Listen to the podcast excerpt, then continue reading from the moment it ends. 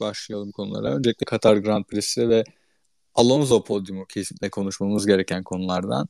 Bugün de planlarımızda uzunca Alonso podyumu e, olacak. Orada sözü siz Alonso'culara bırakacağız daha çok. E, onun dışında artık son iki yarışa giriyoruz ve orada Mercedes Red Bull dengesini konuşacağız. Horner'ın çeşitli olayları oldu. Bence bunlara da değinmemiz gerekecektir. Onun dışında sanırım fazla bir şey yok. Katar Grand Prix'sinden genel olarak bahsedeceğiz. Sezon kapanışı yaklaşırken herkes heyecanlı, her şey hala mümkün. Ee, McLaren üçüncülüğü bile hala mümkün matematiksel olarak. Söylerken inanmadığım belli. Kaç puan oldu? 30 puan mı oldu fark? Ee, tam farkı bilmiyorum ama son 3 yarışta e, Ferrari bize 43 puan fark attı ya. İnanılmaz. Ama çok e, keyifli bir sene geçiyor. Yani birincilik mücadelesi var, üçüncülük mücadelesi var ve beşincilik mücadelesi var. E, müthiş bir sezon oluyor gerçekten. Abi e, şöyle diyeyim sana takımlar şampiyonasında her e, şeyin var. 1 ve 2, 3 4, e, 4 5 6. Hani her birisinin bir şeyi var. Haas'la da Williams kendi arasında bir çekişti. Gerçi Russell orada zaten farkı açtı tabii. Haas puan alamıyor garibim. Alfa Romeo ile kapışıyor Williams haliyle. Öyle bir durum var. Evet. Çok keyifli bir sezon oldu, oluyor, olacak gibi. Ee, belki biraz konuşmanın sonunda e, Cidde pistinden de bahsederiz. Yetişemiyor mu? Evet. Yetişiyor mu artık bilinmez. Yetişti. Yetişti. yetişti. Ee, hepsine değineceğiz. O Sıralamalarla zaman... başlayalım isterseniz koç. E, sıralamalardan aklımda kalan çok çok büyük bir şey olmadı. Aslında en büyük olay Gazze'nin Q3'te tekerinin patlaması ve orada tek sarı bayrakta yavaşlamayan Bottas ve çift sarı bayrakta yavaşlamayan Verstappen'in cezaları oldu. Yani sıralamalar değil ama sıralamaların sonucunda gelişen olaylar bence daha e, heyecanlıydı. Bir de genel olarak Leclerc bir Q3 yapamadı. E, bence ilginç bir sıralama turu haftasıydı. Hamilton yine formunda zirvesindeydi. Güzel bir sıralama ilginç ya. gidiyor. Ee, ben pisti de çok beğendim işin açıkçası. Yani bu kadar beğeneceğimi düşünmemiştim. Ee, biraz şeyden bahsetmek istiyorum. Bu e, motosiklet pistlerinin kullanılması Formula 1'de ve aslında araba yarışlarında bir takım sıkıntılar oluşturuyor. E, zira motosikletler dışarı çıksın diye e, runoff yani kaçış alanlarını çok daha değişik tasarlıyorlar. Yani bu aslında pist çölde olduğu için değil, e, bir motosiklet pisti olarak tasarlandığı için e, biraz da böyle bir yapısı var. Şeyden kaçınıyorlar, e, mıcır kullanımından kaçınıyorlar. Bu da bir olumsuzluk olarak bize dönüyor. Neden? Arabalar daha rahat dışarı kaçabiliyorlar, daha rahat dışarı çıkabiliyorlar. E, kerpler agresif değildi bu pistte. Yani o mor beyaz evet. olan yerler e, neredeyse asfaltla aynı e, seviyedeydi. Bunun da sebebi yine bir motosiklet pisti olması. Fakat ondan biraz uzaklaşınca yeşil bölümde son derece agresif bir e, set vardı. Eee yani ben sıralamaların daha başına da döneceğim ama burada yeri gelmişken şunu söyleyeyim. Çünkü ben notlarıma bakarak konuşuyorum şu anda. E, bu Gazi'nin başına gelen olay daha evvel olabilir diye ben not almışım. E, buralara çıkınca arabalar. Bu bu iş beni korkutmuş e, sıralamaları izlerken. Keza yarışta da gördük benzer sahneler. E, yani bilmiyorum motosiklet pistinde işte 10 sene daha yarışacaklar e, bugünden itibaren. E, hayır. E, 2022'de Katar yok ama 2023 ve sonrası için yeni pist yapacak. Öyle mi? Evet. Ha, bak. İlk defa duydum ben bu haberi. Ben de ilk defa. Ben burada 10 senelik anlaşma yaptılar diye anlamıştım. O anlaşma Katar'ın e, Grand Prix ha, ülke anlaşması. Bazı. Vay anasını paraya bak heriflerdeki. Ya doğmamış çocuğa Evet doğmamış çocuğa doğum biçiyorlar. Evet e, ben sıralamalardaki notlarımdan istiyorsanız başlayayım. Ben dediğim gibi keyif aldım pistte. Yarıştan da, sıralamalardan da. Eğlenceli geçti benim hafta sonum. Ee, notlarımdan e, çok ufak tefek tabii ki Russell'ın Q2'ye kalmasını not almışım en başta. Ee, Perez softlarla Q2'de elendi. Bu çok evet. çok enteresan bir gelişmeydi. Yarışta her ne kadar bunu telafi etmiş olsa da ee, çok enteresandı. Yani medium'lara geçmeden Q2'de soft'larla denedi ve elendi. Bilmiyorum bir ayar sorunu mu var yoksa bir sıkıntısı mı var ama genel olarak sıralamalarda çok iyi performans gösteremeyen bir pilot. Yani tek tur hızı o kadar yüksek değil. Yarış hızı çok daha iyi. Leclerc elendi Q2'de. Ricciardo elendi. Sainz ve Norris Q3'e kaldı. Çok yakınlar demişim. Ondan sonra Gazli kazasından sonra ben nasıl yavaşlamıyorlar diye e, tabii ki not almışım burada. Bunun üzerine biraz daha konuşuruz istiyorsanız. E, Leclerc'in şase hasarı var notlarımın arasında. O da çok enteresan bir şekilde ne yaparsa yapsın istediği hızı bulamadı. Enteresan bir çocuk. Yani bir şeyi yapamadığı zaman ben bunu yapamadım. İşte aptalım, şöyleyim, böyleyim diye suçu kendine atıyor. Bu sefer o noktada değildi anladığım kadarıyla ve ne yaptıysam olmadı dedi. Ondan sonra da şase hasarı çıktı. Neyse ki yarışta topladı burada. E, Ferrari de herhalde üstün bir iş başardı mekanikler. Yani son notumda Mazepin'le ilgili benim. Biraz üzüldüm ben Mazepin'e bu hafta sonu. E, antrenman seanslarında sıkıntılar yaşadı. 16 tur atmış sıralamalar öncesinde pist üzerinde. Bunun da ya 8'i ya 9'u e, pushlanmış. E, simülatörde filan da görmemiş pisti hiç. O yüzden de takım arkadaşından bile bir iki saniye kadar yavaş kaldı. Yani pay driver şu bu filan tabii ki böyle bir hani desteklememe durumu var ama yani bir pilot olarak, insan olarak ben haline üzüldüm. Verdiği e, sıralama sonrası röportajda. Evet bunlar benim notlarım.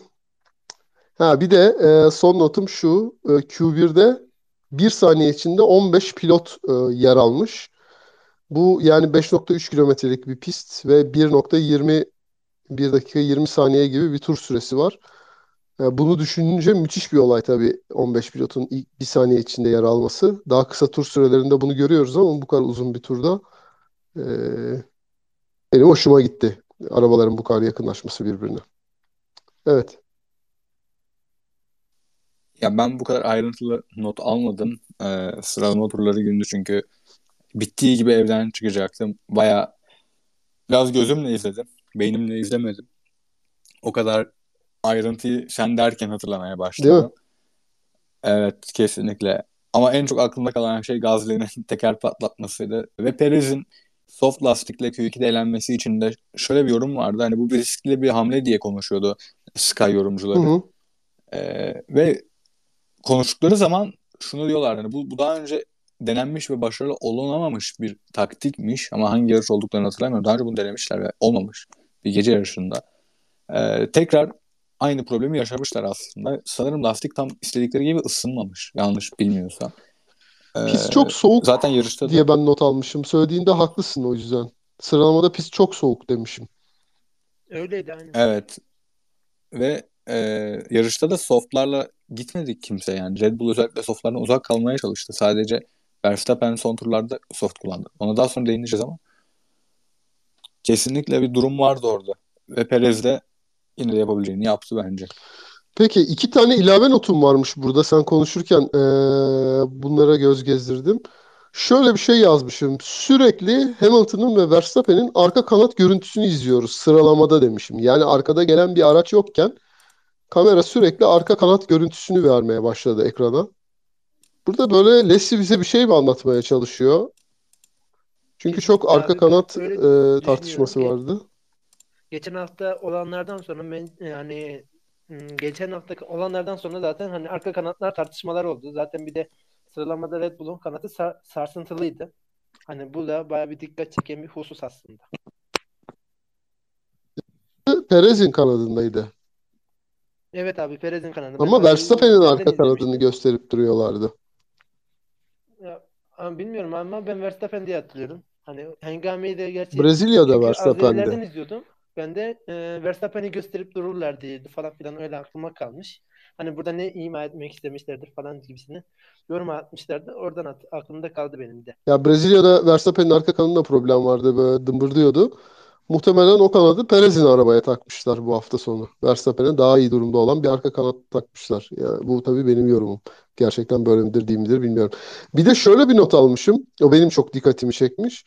Ee, sıralamalarda yani seans aralarında Red Bull mekanikerleri Red Bull garajının önünde böyle bir baraj kurdular. Hatırlıyor musunuz bu sahneyi? Evet abi hatırlıyorum. Evet bu hatırlıyorum çok iyi hatırlıyorum. Çok da konuşuldu. Ama sadece sıralamada olmadı bu. Ama doğru oldu. Yani sıralamada olmasının Azerbaycanlı spikerler bile konuştu bunu. şöyle bir şeyi var, etkisi var. Burada park verme kuralları geçerli. Yani sıralama içinde de bir ayar yapamıyorsun artık.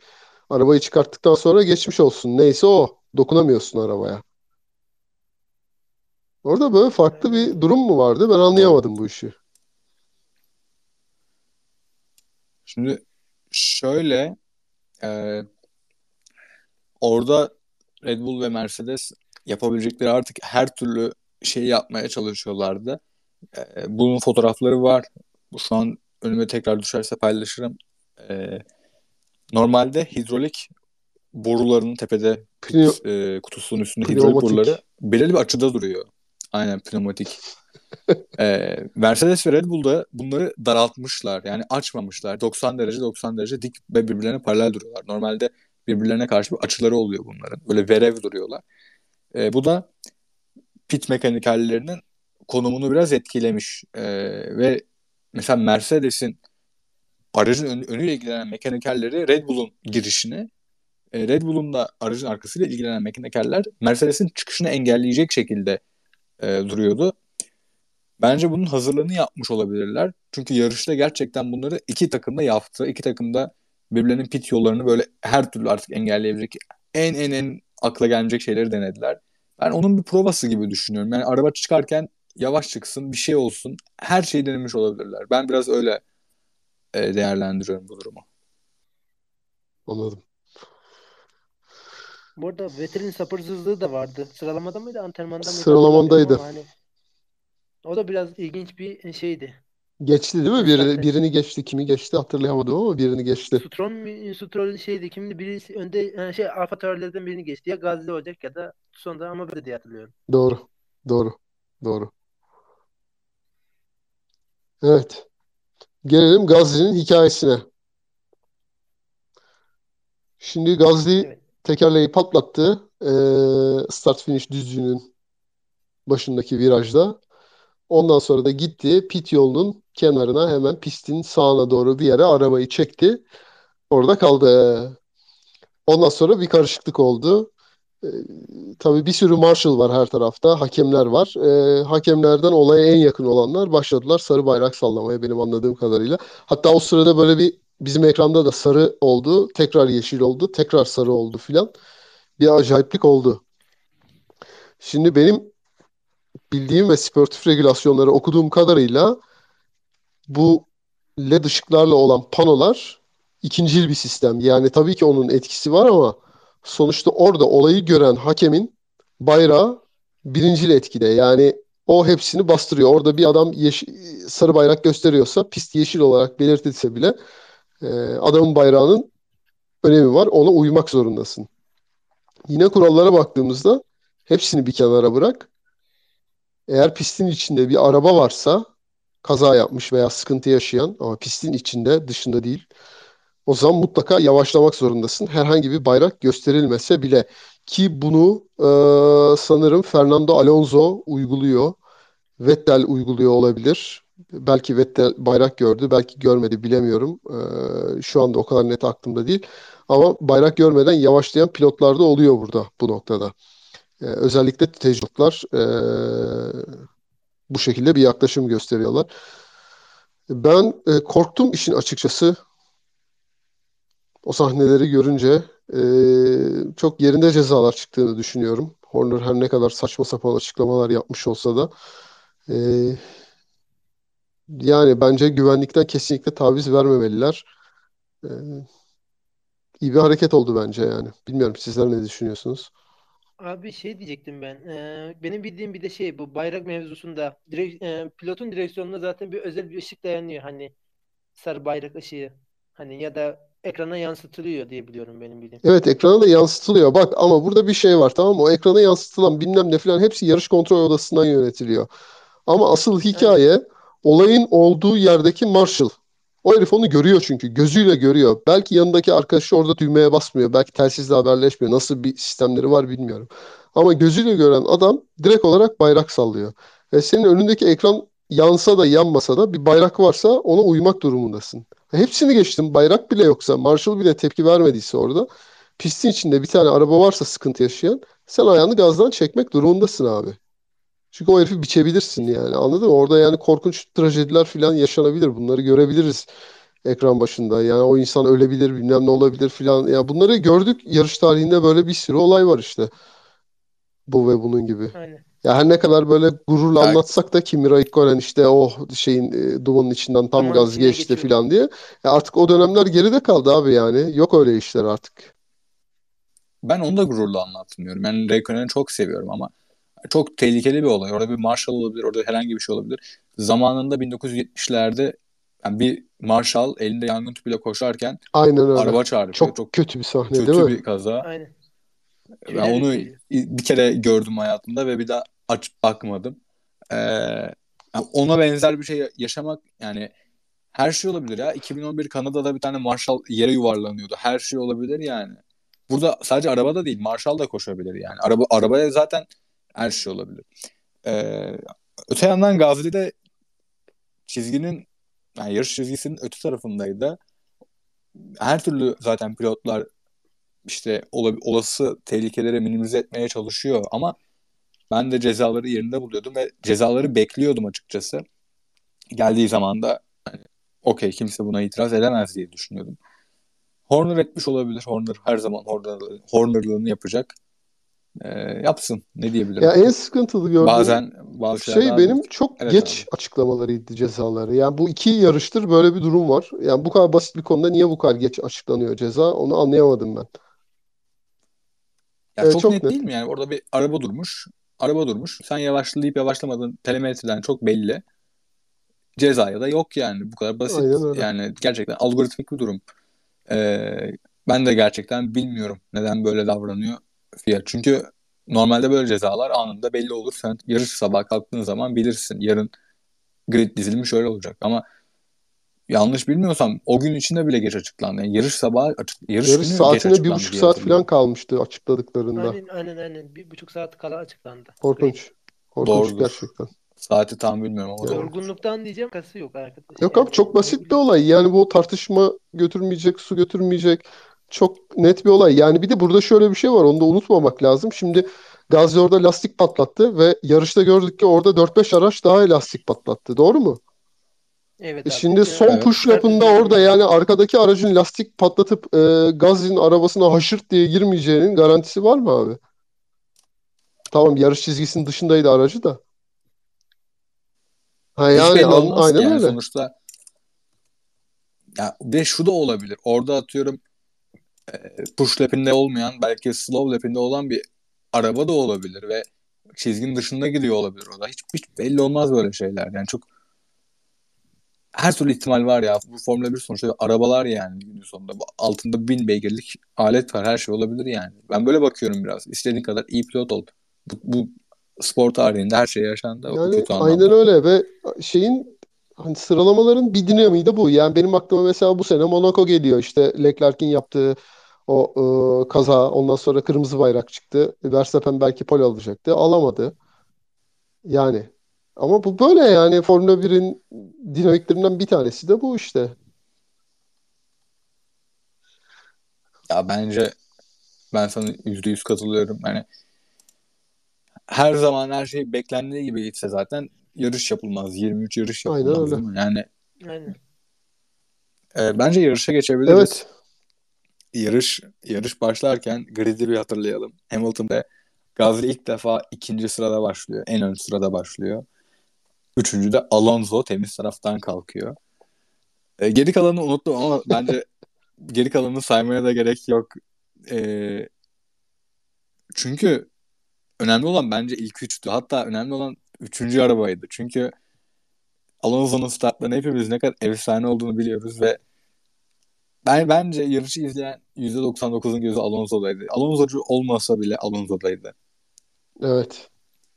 Kesinlikle. E, dördüncü Norris, beşinci Sainz, altıncı Bottas, yedinci Verstappen'miş bu arada. Şu an tekrar kontrol ettim. E, biz yarışı çeşitli e, teknik aksaklıklarla izledik. Birkaç arkadaş buluştuk. Burada da aramızda var derin McLaren'ci e, ve derin McLaren'ci olmayan bazı arkadaşlarımızla.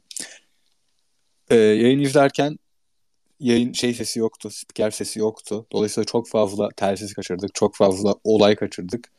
Röportajları kaçırdık canlı olarak.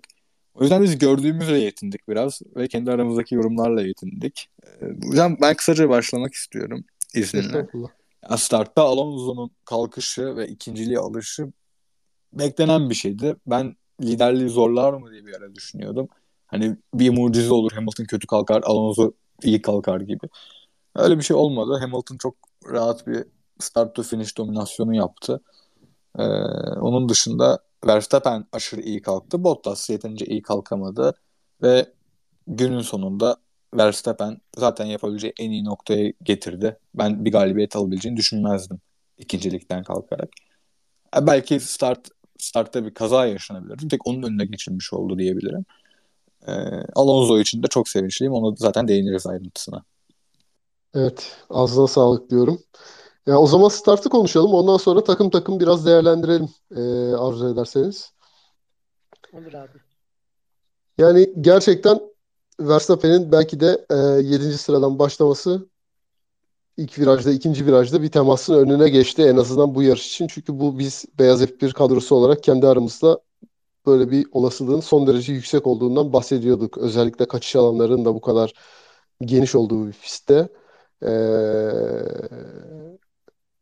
yani ama e, ve şey yani pol pozisyonundan ilk viraj fren noktası da çok kısaydı aslında. Alonso e, yarıştan önce bir açıklama yaptı. Benim kaybedecek hiçbir şeyim yok diye.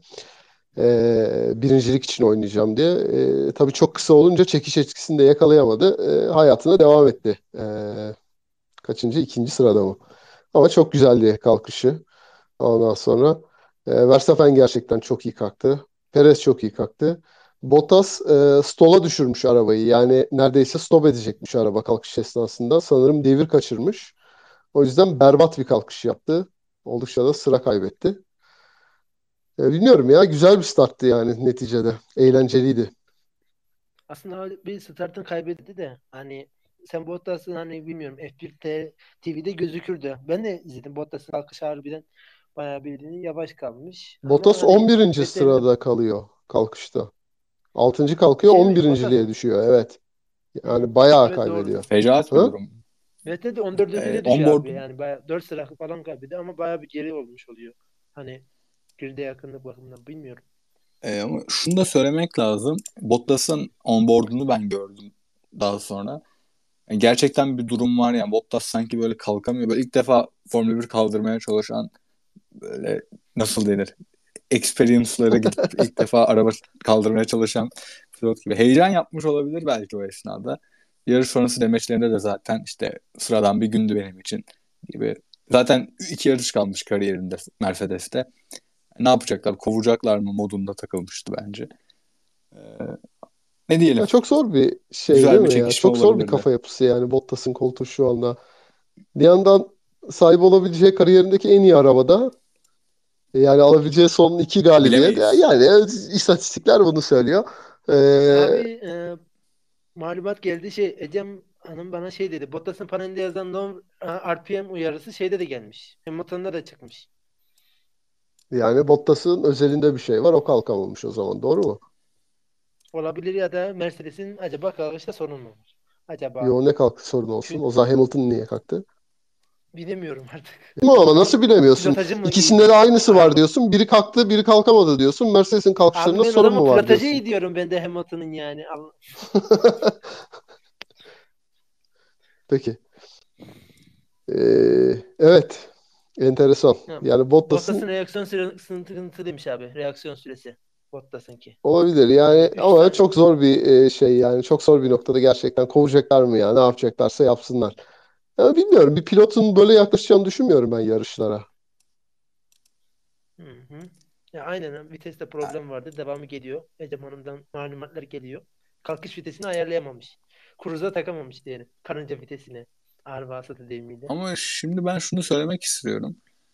Ee, bir pilotun mentalitesi tabii ki düşüncemize göre bu olmayacak. Hele Bottas için %50 ihtimalle bir daha yarış kazanamayacağı bir arabaya oturacak. E, tamamen bilinmezlikler dolu bir durum yani. Her ne kadar podcastlerde işte Alfa Romeo'nun böyle rüzgar tüneli işte böyle fabrikamız var, böyle yatırımlar yapılıyor falan filan dese de sonuçta seneye bilinmez bir sene ve Alfa Romeo şu an çok çok iyi bir durumda değil. E şimdi Bottas da gerçekçi olarak Türkiye'den sonra bir daha yarış kazanamayacağının farkında neredeyse. Çünkü herhangi bir durumda Hamilton'a yol vermesi istenecek haklı olarak. Yani belki bunu bir gece çok düşünüp içip ağlamış ondan sonra işte sevgilisiyle dertleşip kafada bitirmiş olabilir. Ben ciddi ciddi bunu düşünüyorum. Böyle kahve içmiştir belki o gün. Sonra üzerine bir de e, işte Fin vodkası falan bir şeyler çakmıştır. Her şey olmuş olabilir ama ben artık şey modunda olduğunu düşünüyorum. Yani Alfa Romeo'da ben elinden geleni yapacağım ve kazanırsam kazanacağım. Kazanamazsam kendimi o kadar göstermeliyim ki işte Alonso gibi işte ne bileyim başka aklıma gelmiyor. Raikkonen gibi diyelim. Hani yaşım biraz ilerlemesine rağmen ben de hala iş var desinler ben hala koltuk bulabildim. Ya Fetel Ama gibi. o noktada değil. Tabii şimdi onlar dünya Yarış... şampiyonuydu. Tabii onlar dünya Yaş ama küçük Bottas'ın ya. O kadar büyük değil yani. 80 ya, Formula 1'de bilmiyorum. Formula 1'de performans gösteremiyorsan yaşın yaşlıdır abi. Ya yaşlı ilan ettin ya var ya herkes evet. performans göstermiyor. Yani çünkü senden her zaman daha genç bir yetenek var bekliyor orada. Evet. Doğru. Acımasız bir dünya yani. 89'luymuş bu arada. Daha 32 yaşında daha genç hala ya. 32 32 bayağı genç. genç. Bayağı genç yani gerçekten. Bu F1 için. Bottas ağlamış bu arada bana Ecem Hanım şu an videoyu Öyle gönderdi. Mi? Ben de onu sabitledim. Ee, ha bunu gördüm. Burada ağlıyor yani mu bilmiyorum. Videoda? Bilmiyorum çok belli olmuyor. Bunu Bottas'ı belki ileride yorumlarda tekrar konuşuruz. Ama ağlıyor gibi duruyor. En azından yani Toto Wolff birini teselli etmek için sarılıyorsa orada bir durum vardır yani evet. Ağlıyor bence. Bir sonlarda böyle bir şey oldu. Duygusal oldu. Ya aslında e, tek pit stop stratejisiyle gitseydi ve lastik patlatmasaydı e, üçüncü olabilirdi. Öyle gözüküyordu yani projeksiyon. Ama çok zorladılar ya. 30 34'te patlattı lastiği bak. Biz Kivi seninle konuşuyorduk. Ee, ya bu adamı ne zaman pit alacaklar dedin sen. Ben de ya 35 ya 36'da alacaklar dedim. Küt, Erken patladı. Küt dedi patladı yani. O anda patladı adamın lastiği. Şom ağzını ağzımızı açtık abi. E, aynen. E, burada da şöyle bir şey var. E, benim an, yine anladığım kadarıyla şimdi takımlar takip ediyorlar lastik durumlarını şeyden, pit duvarından. Fakat lastikte patlama emaresi göremiyorlar. Yani herhangi bir titreşim bir vesaire şu yok. bu. Yani hiçbir şey yok. Bir anda hiçbir gösterge vermeden küt diye gidiyor. Bütün e, şeylerde takımlarda böyle olmuş. Abi bir orada ama şu da var. Hani dedin start düzüne çıkmadan önceki virajda bildiğin aslında arabanın içine ediyor aslında. Biraz yukarı çıktığı zaman herkeste de öyle hani pit duvar pit hani alanına girişten sonraki köprüler orada biraz hani arabayı bayağı bir sarsıyor. Ondan sonra patlıyor. Adam bir tür patlak lastikle dolaşıp önce öyle gidiyor. Yani orada Yapacak kesici çıkan... tipte bir körp var herhalde. Daha böyle kenarı keskin vesaire şu bu bir körp var. Kesinlikle. Evet abi, belki pit şey pist yürüyüşü sırasında keşke buna dikkat etselermiş o zaman. Ya, fotoğraf çektirip durmasalar da. Değil mi? Yapacak seyirciler de bol bol. Abi, pist yürüyüşü demişken çok alakasız alacağım ama e, Binotto pist bisikletiyle gezen Ricardo'yu itiyor böyle. Evet. Yani itermiş gibi bir fotoğrafı evet, var. Ferrari'de diyor ki P3 için savaşırken pist üzerinde kesinlikle adaletli ve kran krana fair play mücadele edeceğiz diye tweet atıyor. Ona çok gülmüştüm. Şey Out of Context F1 TR Muammer'in sayfası. Orada görmüştüm ben de. O Fair and Square evet. Şimdi bulacağım onu ve size paylaşacağım. Onu gördüm de çok güldüm ve Ferrari'den beklenmeyecek bir içerik çıkmış. Yani sonuçta pist yürüyüşü yani yarış değil bir şey değil. Ama evet. Bu arada ben pist hakkında son bir şey daha eklemek evet. istiyorum. Takımları konuşuyoruz ama sadece start finish düzlüğünde tribünler vardı ve bence bu yani pistin çok ruhunu öldüren, pist kültürü oluşmasını engelleyen bir durum. Ee, umarım bir sonraki pist biraz daha bizim alıştığımız işte açık alanları olan işte virajlarında tribün olan geçişe de biraz daha belki müsait. Yani bunu da konuşacağız. Bir pist olur. Öyle. Benim diyeceklerim bu kadar. İsterseniz yavaş yavaş buyurun, buyurun, gidelim. Buyurun. Ay çok konudan konuya atlıyorum kusura bakmayın ama. tatlı tatlı konuşuyoruz. Yani, yapacak bir şey yok da paylaşamıyoruz yani yapacak bir şey. Ha, Mark Leren paylaşmıştı bak buldum fotoğrafı. Hemen sabite aldım. Evet. Yani Mercedes'ten bahsettik. Startlarda problem yaşadılar iki arabada. Ama Hamilton üstesinden gelmiş bir şekilde herhalde. Ee, zaten motor gücü çok iyiydi Hamilton'ın. Farkı çabuk açtı. Genel olarak çok iyi bir hafta sonu geçirdi ve eski motorla bunu yaptı. Yani motor avantajı da yoktu o Türkiye kadar büyük bir şekilde. Olur. Evet. Yani ben Mercedes'ten artık endişeleniyorum. Gerçek manada yani bir Hamilton'ın lastiği patlasın da hani şampiyona umutlarımız devam etsin diye düşünüyorum Max Verstappen için. Buna kaldıysak da adil olmaz. Ee, çok tartışmalı olur. O yüzden iyi olan kazansın. Diyerek devam edeceğim. Sevgi de yüzde yüz veriyor. Benim Mercedes yok. Bu arada burada iki tane Mercedesçi var. Hani ben de gerçi biraz Kim Mercedesçiymiş? Sen. Yo. yani Hamilton'ın şampiyon olmasını istiyorsun. Hani Verstappen'in değil de. İstiyorum. Ben de öyle Hamilton istiyorum mesela. Aynı. O Mercedes'çiyim demek değil bu yani şimdi. Bilemiyorum. Gelecek sene ama Mercedes. ben demem ben DM kutumda ölüm tehditleri almaya başladım. Ben diyecektim onu da için. Ecem abla sana ölüm tehdidi yolluyor mu diyecektim de. Yolluyor yolluyor. Hiç eksik olmasın. Ee, aldık. Evet sizi alalım. Evet. Mercedes nasıldı bence? Genel olarak iyiydi Bottas Yani haricinde. iyiydi tabii ki. Hamilton gerçekten çok iyiydi. Ee, ya kalkış sonrasında da yani ben şimdi notlarıma bakıyorum mesela 17. tura kadar en hızlı tur ata ata gelmiş. Ondan sonra e, yani son anda Max Verstappen yumuşaklara geçince tabii en hızlı tur aldı dolayısıyla ama e, son derece baskın bir performansı vardı. Şey çok ilginç yani Mercedes yarıştan sonra evet biz eski motorla çıktık ve bu performans nereden geliyor onu anlamadık dedi. Ben de bunu okuyunca bizim eski programları e, birazcık hatırladım. Şöyle ki e, Hamilton bu sezon iyi başlamadı. Yani sezon başında performansı daha düşüktü. Bilmiyorum çeşitli ne gibi bir şey vardı aklında şuyunda buyunda ama e, son derece fazla hata yapan bir Hamilton izliyorduk biz. Özellikle sezonun ilk yarısında. İkinci yarısında ciddi bir toparlanma var Hamilton'da. Ve bence e, yani bu hani he's in the zone filan diyorlar ya bu e, yabancılar veya işte NBA'de eli sıcak filan diyorlar. Tam o moda girmiş gibi ben hissediyorum Hamilton'ı. E, ve verebileceğinin en üst noktasında bir performansla e, yarışıyor. Verstappen'de de tam tersi bir düşüş var. E, ne olursa olsun. Yani hata yapmadı o çocuk da yani iyi sürdü şimdi de doğru. Ama yine de bir gerileme var. Belki Hamilton böyle sürdüğü için öyle anlaşılıyor da olabilir tabii ki. Bilmiyorum ya yani Mercedes çok iyi bir hafta sonu geçirdi. Bottas lastik patlatmasaydı e, yani çok daha e, fazla puanla toplayabilirlerdi. E, Bottas için tabii kötü bir hafta sonuydu ama bu yani takımın probleminden çok sürücü problemi gibi duruyordu. Ben arabayı neden yarıştan çektiklerini anlayamadım. Yani 12. idi galiba yarıştan çektiklerinde ve yaklaşamıyordu öndekilere bir türlü.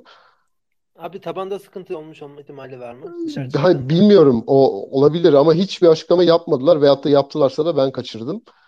Acaba dedim motoru daha fazla yormak istemiyorlar. Çekelim nasıl olsa bundan bir cacık olmayacak. Puan da alamayacağız. Boşuna pistte durmanın bir manası yok diye mi düşündüler? Ee, o işi anlamadım. Bilen varsa e, söz verdiğimizde belki bahseder. Belki mesaj atar. Bilmiyorum. Ee, bana Ecem'den bir mesaj evet. geldi. Ee, hatta bayağı yeni mesajlar da gelmiş. Hamilton ve mühendisler arabayı kurcalamışlar ve yeni bir ayar bulmuşlar. Öyle bir açıklama yapmışlar daha sonra. Yani anlamadım hani kullanma kılavuzu falan yapmıyorlar mı ya bunu arabayı yaparken? Yani bunlar iki tuşu aynı anda basıp ayar mı bulmuşlar? Tam nasıl olmuş bilmiyorum ama galiba bir God mode açılmış yani arabada. ee, bir de fren hidrolik hasarı yaşanmış galiba Bottas'ta. Frenler çok ısınmış. Öyle mi? Yani evet sen şimdi buna bence yorum yapabilirsin daha iyi bir şekilde. Yani nasıl yani bu tamam çok çok ısındı da yani aşırı aşırı ısındığı zaman fren tamamen kullanılmaz ya da böyle bütün yarışı etkileyecek kadar kötü performans yapabilir mi? Bir dakika araya gireceğim. Cem abi girmeden. Bence yapabilir diye düşünüyorum. Çünkü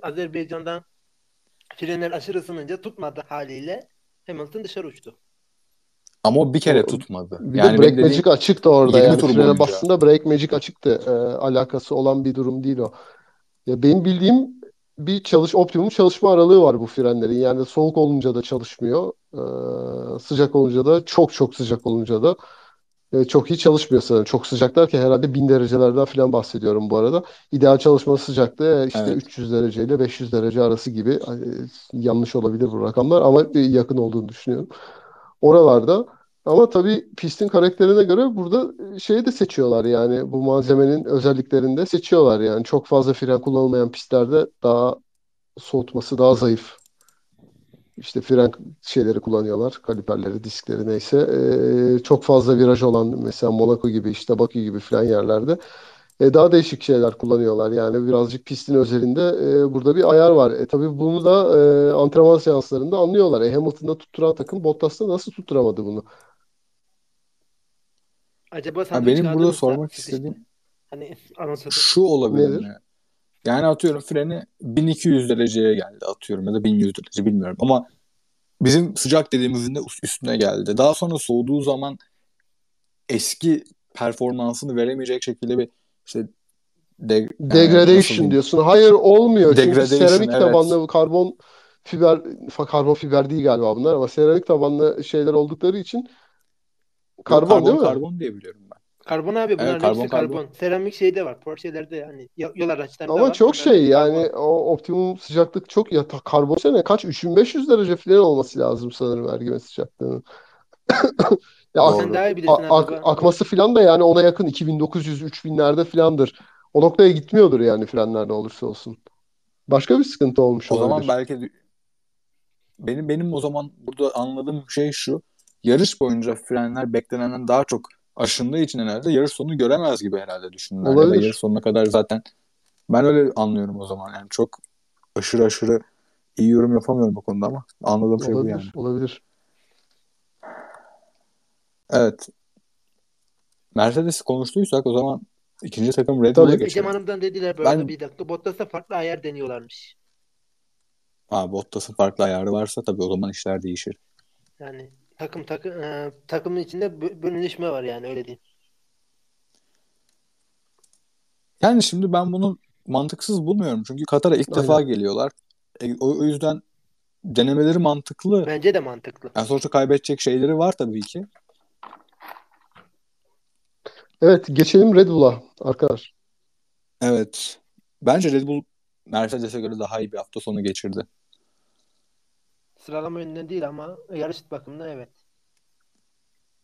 Yani sıralama konusunda da evet Perez iyi bir sıralama geçirmedi ve Verstappen pole alamadı ama ya sonuçta Hamilton uçuyordu. Ben artık Hamilton'ı bu hafta sonu Hamilton ve diğerleri olarak ayırmayı daha uygun görüyorum. Hamilton, Verstappen, Bottas ve diğerleri gibi ayırıyorum kafamda. Yani çünkü adam dokunulmaz yani. Ee, Red Bull'da da Verstappen cezaya rağmen yapabileceği en iyi puanı aldı ve Perez de o podyumu zorluyordu yani. O yüzden ben Red Bull'un hafta sonuydu diyorum. Neredeyse şampiyonluk el değiştirdi takımlarda. Genel olarak yapabilecekleri her şeyi sonuna kadar yapar. Hala vazgeçmiş değiller ki vazgeçme, vazgeçecekleri son en yanlış an olurdu yani.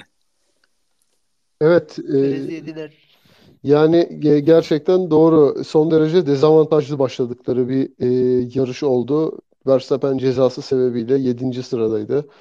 Perez 11. sırada mıydı? Öyle bir şeydi yani. Daha da geride diye biliyorum Belki de 12'de yani. falan neyse yani öyle bir şey işte. 11 mi 11 başladı? başladı. Tamam. Ee, yani 7 ve 11 start noktaları son derece kötü start noktaları. Tabii pist bizim ve bizim gibi takımların da beklediğinden daha fazla geçişe imkan veren bir pist e, olduğu ortaya çıktı. E, tabii ki bütün e, geçişler birinci virajdaydı. Onun dışında geçiş görmedik. E, ama hatta bir radyo konuşması vardı İskoç belki sen duymamışsındır ama sanırım Mercedes'teydi. E, bizim beklediğimizden çok daha rahat geçiş yapılıyor burada e, gibi bir bir mühendis bir pilota söyledi. Şimdi hatırlayamıyorum e, kimin kime söylediğini ama bu konuşmayı duyduğumu hatırlıyorum. E, tabii Perez çok iyi işler yaptı. Perez'den başlayalım. kalkışla beraber e, yükselmeye başladı ve çok iyi bir performans gösterdi. Bence Perez'in stratejisinde, lastik stratejisinde Red Bull e, majör bir hata yaptı. Çok erken piti aldılar Perez'i ve hatta Perez de buna itiraz etti. Ama ikinci stintin sonuna doğru itirazını dile getirdi. O ikinci stinti uzun tutamazlardı. Çünkü insanların lastik patlattığını gördüler. Yani ilk stinti çok kısa tuttular. Bottas kadar 30 tur falan gitseydi Perez e, garanti biçimde üçüncü olurdu. Bilmiyorum ikinci sırayı alamazdı tabii ki Verstappen'den ama garanti üçüncü olurdu. Ben o, bu sebeple hata yaptıklarını düşünüyorum. Birebir aynı stratejiyi uyguladılar iki pilotlarında da. İkiye bölmediler. Herhalde bunu düşüneceklerdir yarıştan sonra. Ee, şimdi Verstappen'e geçersek Verstappen de startta iyi bir başlangıç yaptı. Ondan sonra da e, tabiri caizse leblebi gibi araba geçmeye başladı. Burada Gazli'yi geçişi e, benim için soru işareti oldu. Ben not aldım. Hatta İskoç sen takip etmedin yazışmaları ama yine biz Beyaz F1 tayfası aramızda konuşurken ee, Gazli DRS evet. olayından bahsediyorsun. Ya Gazli ne yapıyor abi burada evet, falan abi. diye biz böyle yazdık. Tabii biz yakalayamadık DRS olayını. O gözle bakmayınca insan anlayamıyor ama yarıştan sonra gö- beklemiyorsun. Aynen öyle. Yarıştan olacak. sonra görüntüsü çıktı. Şimdi mühendisi bir kere Gazli geçiyor. Yuletim e, pas ya da Yuletim go gibi bir şey söylüyor. Ya Fransız çocuk.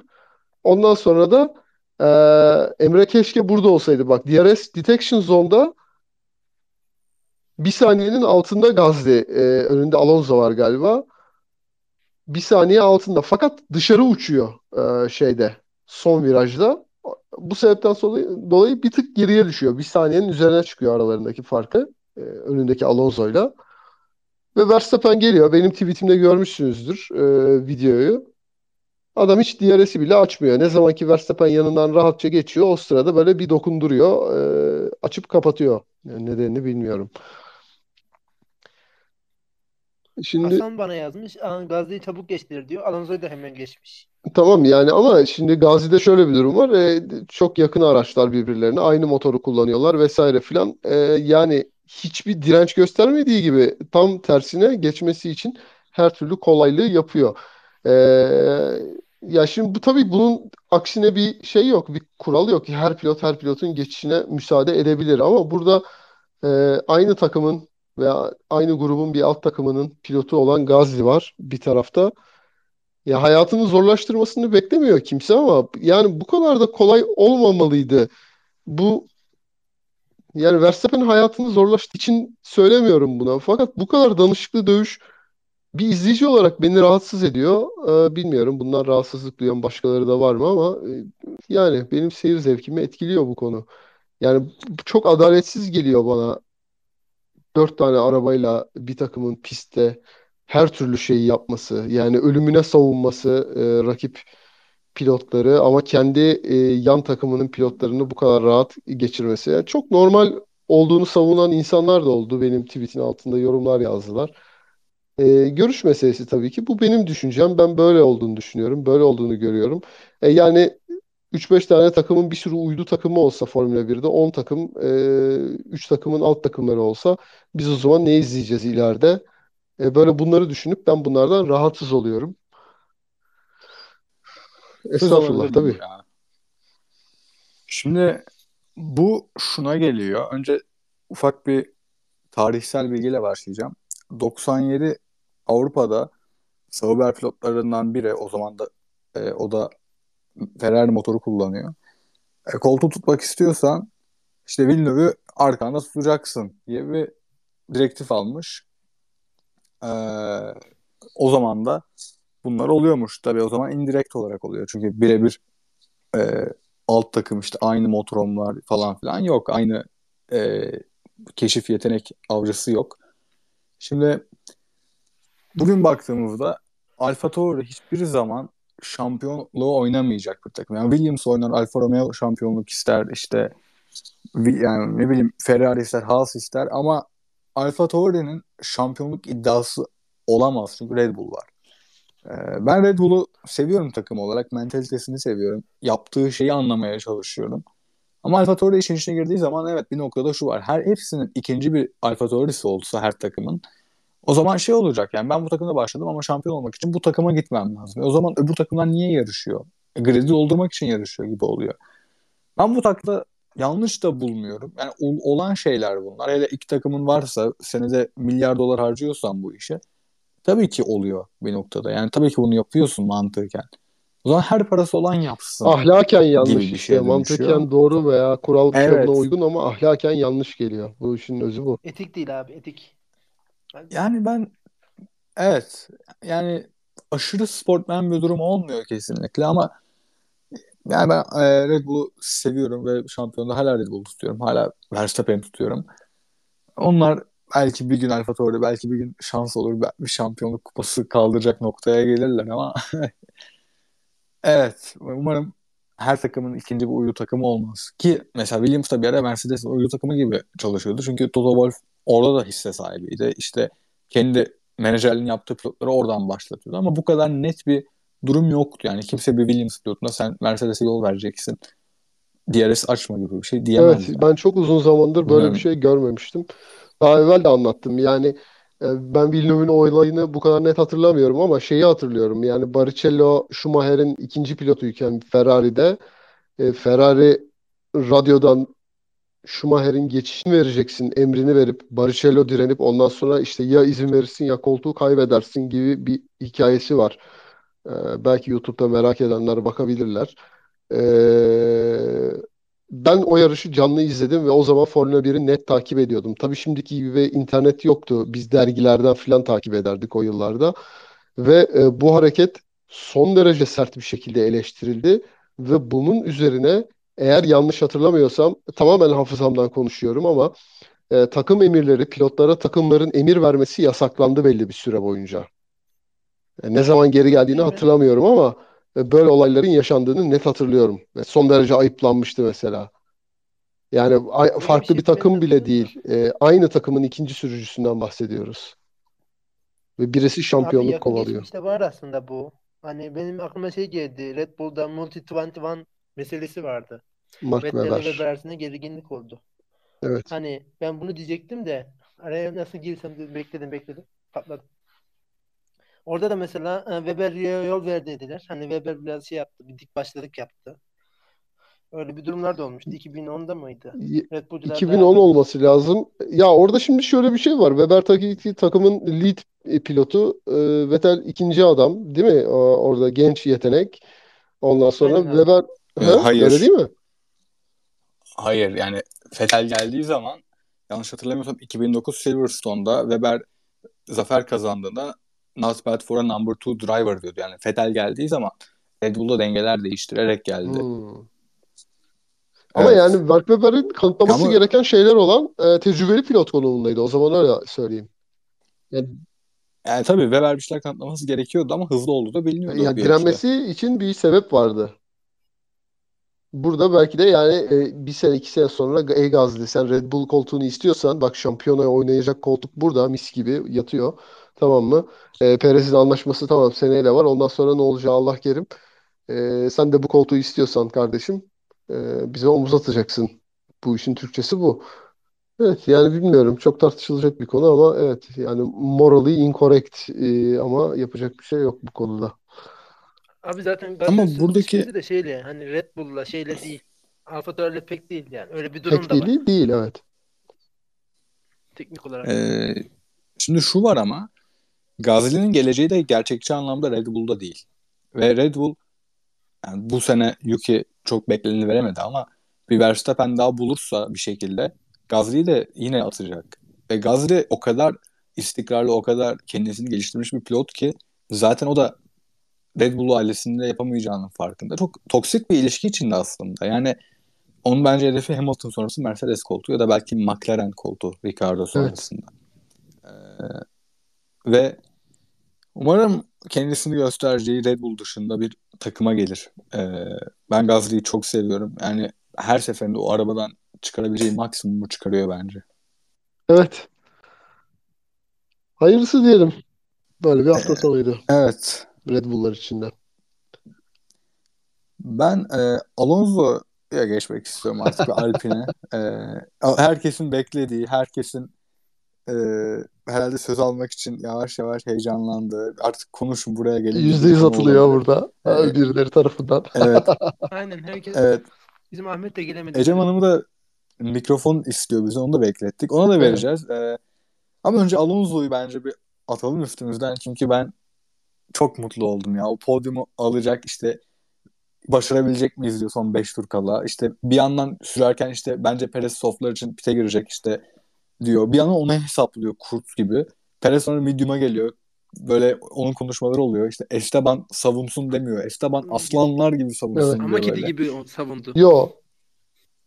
Yok yapabileceği her şeyi yaptı. yaptı Sonuna kadar yaptı. Biraz şey yaptı. kapağı açtı sandım da. Ya Alpin biraz traktör gibi maalesef. Yani Abi es- eski lastiklerleydi yine... bir de yani o emiri ver, verdiği zaman ben baktım yani ne yapabilir ki bu çocuk dedim. Benim beklentimin çok daha üzerinde iş yaptı orada. Yani o ilk virajda hemen vermedi. Biraz uzattı işi. Sonra atak yaptı. Ee, diğer virajda da. 3 saniye evet. kaybettirmiş Perez'e orada.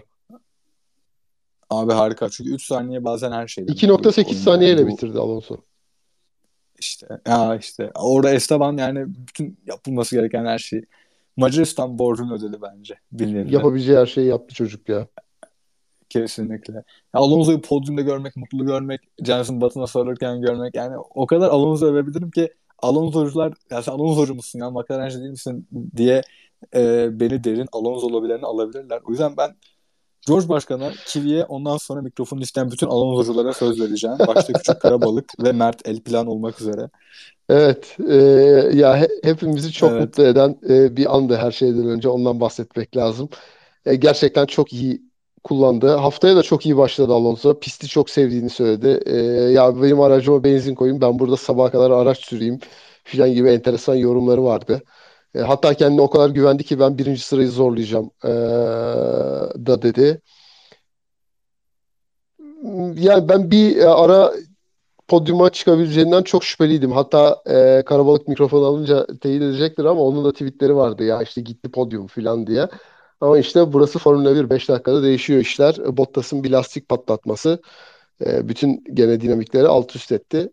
E sonuçta Alpinlerin ikisi de çok iyi iş başardılar. Birisi üçüncü, birisi beşinci bitirdi. E, Alfa Tauri ile arayı da ciddi manada açtılar. E, eğer yanlış hatırlamıyorsam. Yani çok kısa şundan bahsedeyim. Alonso Formula 1 tarihine girdiği andan beri ben takip ediyorum. Ee, biraz böyle e, Schumacher'in prime sezonlarında anti Schumacher e, tayfadan olduğum için Alonso'yu ayrı severim. E, çünkü o iki şampiyonluğu ona vermedi. E, ve genç yetenek olarak ve çok enteresan bir sürüş stiliyle e, iki kere dünya şampiyonu oldu. E, keşke kariyeri böyle olmasaydı 40 yaşına gelene kadar. E, çok değişik istatistikler görebilirdik. Çok büyük bir pilot. E, son olarak da şunu söyleyeceğim. Podyum kutlamaları sırasında çok enteresan anlar yaşandı e, bana göre. E, Hamilton Alonso ile kesinlikle muhatap olmadı. Ne şampanya patlattı ne bir şey yaptı benim gözlemime göre. Sanırım bu da e, takım arkadaşı oldukları dönemde aralarında olan e, kıvılcımın hala e, aktif halde olduğunu gösteriyor. E, demek ki birbirlerine böyle çok tahammül edemeyen insanlar bunlar. Ki bu kadar özel bir anda bile e, Hamilton tebrik etmedi veyahut da e, tebrik etmiştir herhalde ama kutlamayı böyle ileri bir seviyeye taşımadı. Taşkınlık noktasına getirmedi en azından. Yani e, bu kadar. Kivi? Hmm, düşünüyorum abi ne yap ne konuşsam üzerine Alonso üzerine. Yani küçüklükten beri kardeşimle rekabet halinde olduğumuz bir pilot tabii. Ben Raikkonen, o Alonso'cu. Kardeşim de keşke burada olsaydı, sevinseydi falan diye düşündüm, iş geçirdim.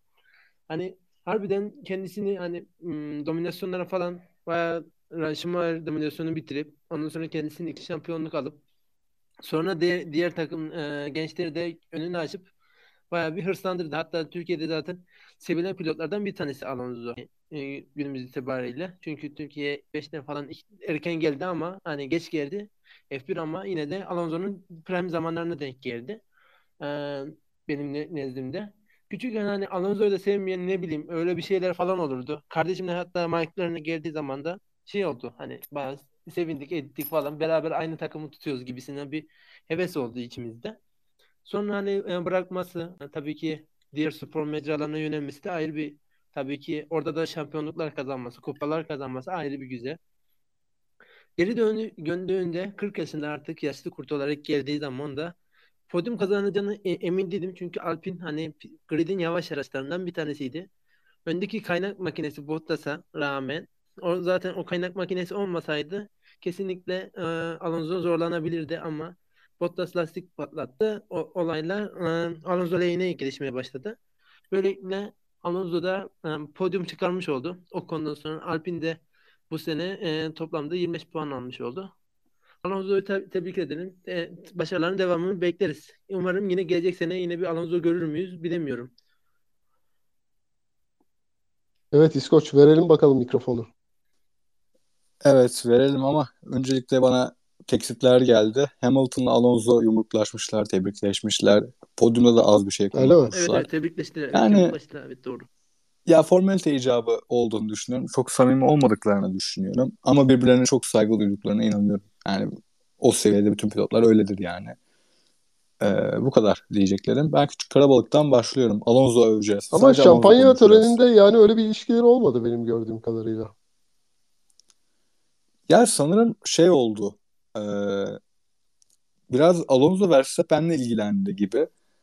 E, belki sıkılmıştır. Yıllarca Alonso Hamilton podyuma çıktı. İlk defa Verstappen'le podyuma çıkınca bir onunla bilmiyorum tabii ki Hamilton'la çok samimi olduğunu düşünmüyorum. Hala arada İngiliz medyası falan filan sallıyor sonuçta. evet ben Neyse, küçük verelim, evet, başlamak istiyorum. Evet evet. Herkese merhabalar. Ee, ben bir 5 dakika kadar ayrılmak zorunda kaldım muhabbetten ama kusura bakmayın evimin önünde bir kaza oldu az önce. Biraz böyle şey e, ilk yardımcıyım işte o şeyle e, refleksle herkesin iyi olduğundan emin olana kadar biraz bir pencereye çıkmak zorunda kaldım. E, o yüzden bir son muhabbetlerden birazcık bir haberim Alonso yani. övüyoruz ya çok şey değil. Alonso övüyorsak sorun yok tamam orada. Ortadan girebilirsiniz buyurun. Bir konu değil yani. E, tabii ki çok uzun zamandır bunu beklediğimiz için çok mutluyuz. E, Alonso sevenler olarak. E, ben start konusunda bir şey söylemek istiyorum aslında. Yani e, böyle hani pisti çok sevdim işte sabaha kadar kullanırım arabayı verin falan gibi şeyleri duymak çok güzeldi ama açıkçası bu işte kaybedecek hiçbir şeyim yok demecinden sonra bile ben startta e, ciddi anlamda hani yarışı riske edecek şekilde zorlayacağını düşünmedim. E, ve hani şey demiştim yani ilk turdan sonra hala üçüncü olarak ka- kalsa ben fittim yani kendi açımdan. Çünkü yarışı iyi okuyabilen bir adam ve aracın temposunun da hiçbir şekilde hani kazanmaya yetmeyeceğinin farkındaydı bence. Ee, yine güzel bir atak yaptı startta çok keyifli bir hale getirdi orayı ama hani ne bileyim bir blokaj yapmayı bir işte zaten tek pit stop stratejisiyle hani lastiği o kadar riske etmeyi ya da ne bileyim dengeyi bozacak türden bir temas yaşamayı göze alacağını da düşünmüyordum açıkçası. Ee, yani benim gayet e, yeterli ve fit olduğum bir starttan sonra yarış içi bir takım e, dengelerle de gayet işte hani biraz şanstır ya bu iş sadece pilotaj ya da araç da değildir. E, şans da e, ondan yana oldu ve hani bu podyumu gördük çok mutluyuz. Açıkçası e, biraz şey diye düşünmüştüm ben. Yani son turlarda böyle yaktığım sigaranın haddi hesabı yoktu. Resmen masada ciğeri bıraktım. Çünkü e, herkes patır patır lastik e, patlatıyordu ve bu çok böyle şey gibi yani bana Bakü'yü çok hatırlattı. Çünkü orada da Lance Stroll'ün e, işte Max Verstappen'in böyle anda hiçbir belirti olmadan, hiçbir uyarı olmadan pat diye bir anda lastik e, patlattığını gördük. Yine aynı şekilde e, Katar'da da yani lastik patlatan e, pilotların aslında ciddi anlamda hani bir belirti olmadan pat diye birdenbire lastik patlattıklarının farkındayız. Dolayısıyla e, son turlarda gerçekten çok endişeliydim yani. E, Mercedes'in falan bildiğim kadarıyla öyle bir açıklaması oldu. Yani lastik patlayınca işte e, hani böyle bir veri görmeden bir anda patladı diye. Hatta bundan sonra da yine e, Bakü'deki gibi Pirelli'nin bir aksiyon e, alması gerektiğini de düşündüm açıkçası hani yarışa dair. E, ama baktığımızda e, gerçekten hani sadece pilotaj, sürüş ve araç değil hani şansın da e, yardımıyla biraz. E, bence çok hak ettiği ve hani 7 sene diyoruz hadi 2 senesi F1'de değildi ama 5 senedir diyelim. Yani hasretini çektiğimiz bir podyum oldu. Acayip mutluyum böyle bulutların üstünde uçuyorum. E, o konu savunması konusunda da katılıyorum. Yani bence e, alabileceği maksimum riski alarak bir savunma yaptı. O son turlarda özellikle işte Perez'in mesela bir ara 8 saniye e, olan farkı bir tur içinde 4 saniyeye indirdiğini gördük. Ben orada çok endişelendim. Yani bir turda 4 saniye almak acayip bir şey. Cidden orada virtual safety car girmese belki de hani podyum gidebilirdi. Çünkü yani hani arkadan gelen aracın temposu buna çok müsait. Ama yani bunu görmek çok güzeldi. Çok güzel geldi açıkçası. Hani yarışa dair bir takım notları falan var ama e, birçoğu söylendi, konuşuldu. O yüzden çok şey yapmayacağım. E, yani yine tabii şey o konu böyle aslanlar gibi bir savunma yapmadı ama hani muhtemelen o tecrübede ve o araca sahip bir pilotun daha fazlasını yapması da beklenemezdi. Çünkü bence Perez'le bayağı tekerlek tekerleğe de kapıştılar yani. Hani 3 saniye kaybettirdiğini bilmiyordum bu arada. Ama gerçekten 3 e, saniye iyi bir süre yani. E, Alonso gibi bir adamı orada görmek çok güzel. E, önümüzdeki sene gerçekten rekabetçi bir araç olursa bence mental olarak kesinlikle şampiyonluğu zorlayabilecek de bir pilot. E, tabii önümüzdeki yıl her şey çok belirsiz, hiçbir şey bilemiyoruz ama ya umarım gerçekten başa güreşecek bir araç olur. E, ve e, çok keyifli şeyler izleyebiliriz. Umuyorum yani. Teşekkür ederim şimdilik bu kadar. Sağ olun. Tekrar tebrik ederiz. Evet Tebrik ağzına ederiz. sağlık. Umarım çok mutlu olmuşsundur. Ee, ben Alonso'culara söz vermeye devam etmek istiyorum. Burada Artyom Chornij Traf el plan. Etraf el plan. Ha el plan. Ee, ondan sonra tabii ki Mert var. Mert el plan. Aynen. Mert zaten el plancıların başını çekiyor. Onun dışında başka Alonso'cu göremiyorum. En azından tanıdığım yok. Ama Alonso övmek isteyen herkese şu an kapımız açık. İstediğiniz kadar Alonso övün. 14 dakika boyunca 14 numaralı pilotu övelim. Biz bir kere daha Alonso Bazı övmüştük ya. Bir programda daha Alonso Bu arada birisi övmüştük. demişti bu arada bugün kim demişti 14 dakika boyunca övmezseniz hani bir şey kim demişti? Mert, Mert mi demişti onu? Mert dedi evet. Onu kurtarmamız lazım arkadaşlar. Övdük işte ya yeterince daha ee, ne kadar öveceğiz? Daha taze Ahmet'imiz yok Sanırım, abi. Ahmet de övmesi lazım ama Ahmet gelmiş. Macaristan ve Zandvoort'ta övdük. Evet. Çünkü e, Macaristan'da zaten efsaneydi. Zandvoort'ta çizgi bulmuştu. Evet Mert geldi. Mert 14 dakikada istediğin kadar katkı yapabilirsin. Ee, hoş geldin. Hoş geldin Mert. Mert mikrofonu kapadı. Ben de şu an hala dinleyici gözüküyor. İnternetim biraz yavaş da kusura bakmayın. Herkese iyi geceler merhaba. İyi evet geceler, hoş geldin sesin geliyor. Hoş buldum. Ee, biliyorsunuz hani Alpinciyim, Renault'cuyum. Hani e, sadece Alonso'cu değilim. Onun için benim için çok özel bir gündü. Bu adamı yaklaşık e, 13 sene sonra bizim takımımızda yarış kazanıyorken gördüm. Çok e, duygu dolu anlardı. Hani bu sene Macaristan da çok özel bir yarıştı. Çok güzel bir yarıştı bizim için ama Alonso'nun yeri ayrı. Alonso'nun yarış kazanması bizim için ayrı. E, pardon podyuma çıkması ayrı. E, çok harikaydı. Yani e, e, en son ki Japonya'da gridde kaçıncı olduğunu tam hatırlayamıyorum. 4 diye hatırlıyorum. Tabii çok merak eden bakabilir 2008 yarışı. Hani orada dördüncü başlayıp yarışı kazanmıştı. Burada tabii araç olarak yarış kazanacak bir araç yok altımızda. Hani her yani pek ekstrem bir şeyler olmazsa ilk dört belli oluyor zaten. Mercedes Red Bull oraya diziliyor ama hani bir şeyler olur da podyuma çıkar diye çok ümidim vardı. Bu gerçekleşti. Güzel oldu.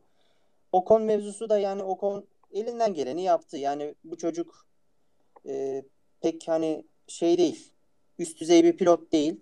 Yeterince zaman kaybettirdi. En azından hani e, bize 3 saniye kazandırdı. Bu yeterli oldu. Güzeldi. Güzel bir takım çalışmasıydı. Alonso'nun hani telsiz mesajında hani aslanlar gibi savunsun demesi hani biraz artık abi rolünde olması çok hoşuma gitti. Çok güzel bir ortamdı. E, genel yarış olarak hani bilmiyorum Alonso podyuma çıktığı için çok keyif aldım ama başka türlü bilmiyorum. E, gelecek sene zaten yok. Ondan sonra farklı bir pist olacak. Hani Katar ona bakarız ilerleyen zamanlarda ama çok güzel bir yarıştı. Çok keyif aldım. Teşekkür ediyorum söz verdiğiniz için de. Umarım 2022'de daha fazla yaşarız bu anları. Bir şey ekleyebilir miyim? Notlarıma Lütfen. bakarken gördüm. Mesela Alonso'nun yarış içerisinde işte Perez'in böyle fastest lap için işte ekstra bir pit stop yapacağını söylemesi gibi falan e, bazı o tip hani şeyleri de var, tespitleri de var. Yani bunlar mesela benim hoşuma giden şeyler. Ee, geçen e, iki yarış önce olabilir. Verstappen'in yine benzer bir e, sanıyorum telsiz konuşması olmuştu. E, tam hatırlamıyorum ama ya bu anlamda da mesela şey ikisini böyle sürüş karakteristiği olarak hani o dönem şeyde Verstappen'i de bayağı bir e, kendi içimde övmüştüm. Yani hani bir yandan kendi yarışını düşünüyor bir yandan işte bilmem kaç sıra arkaya bakıyor falan diye.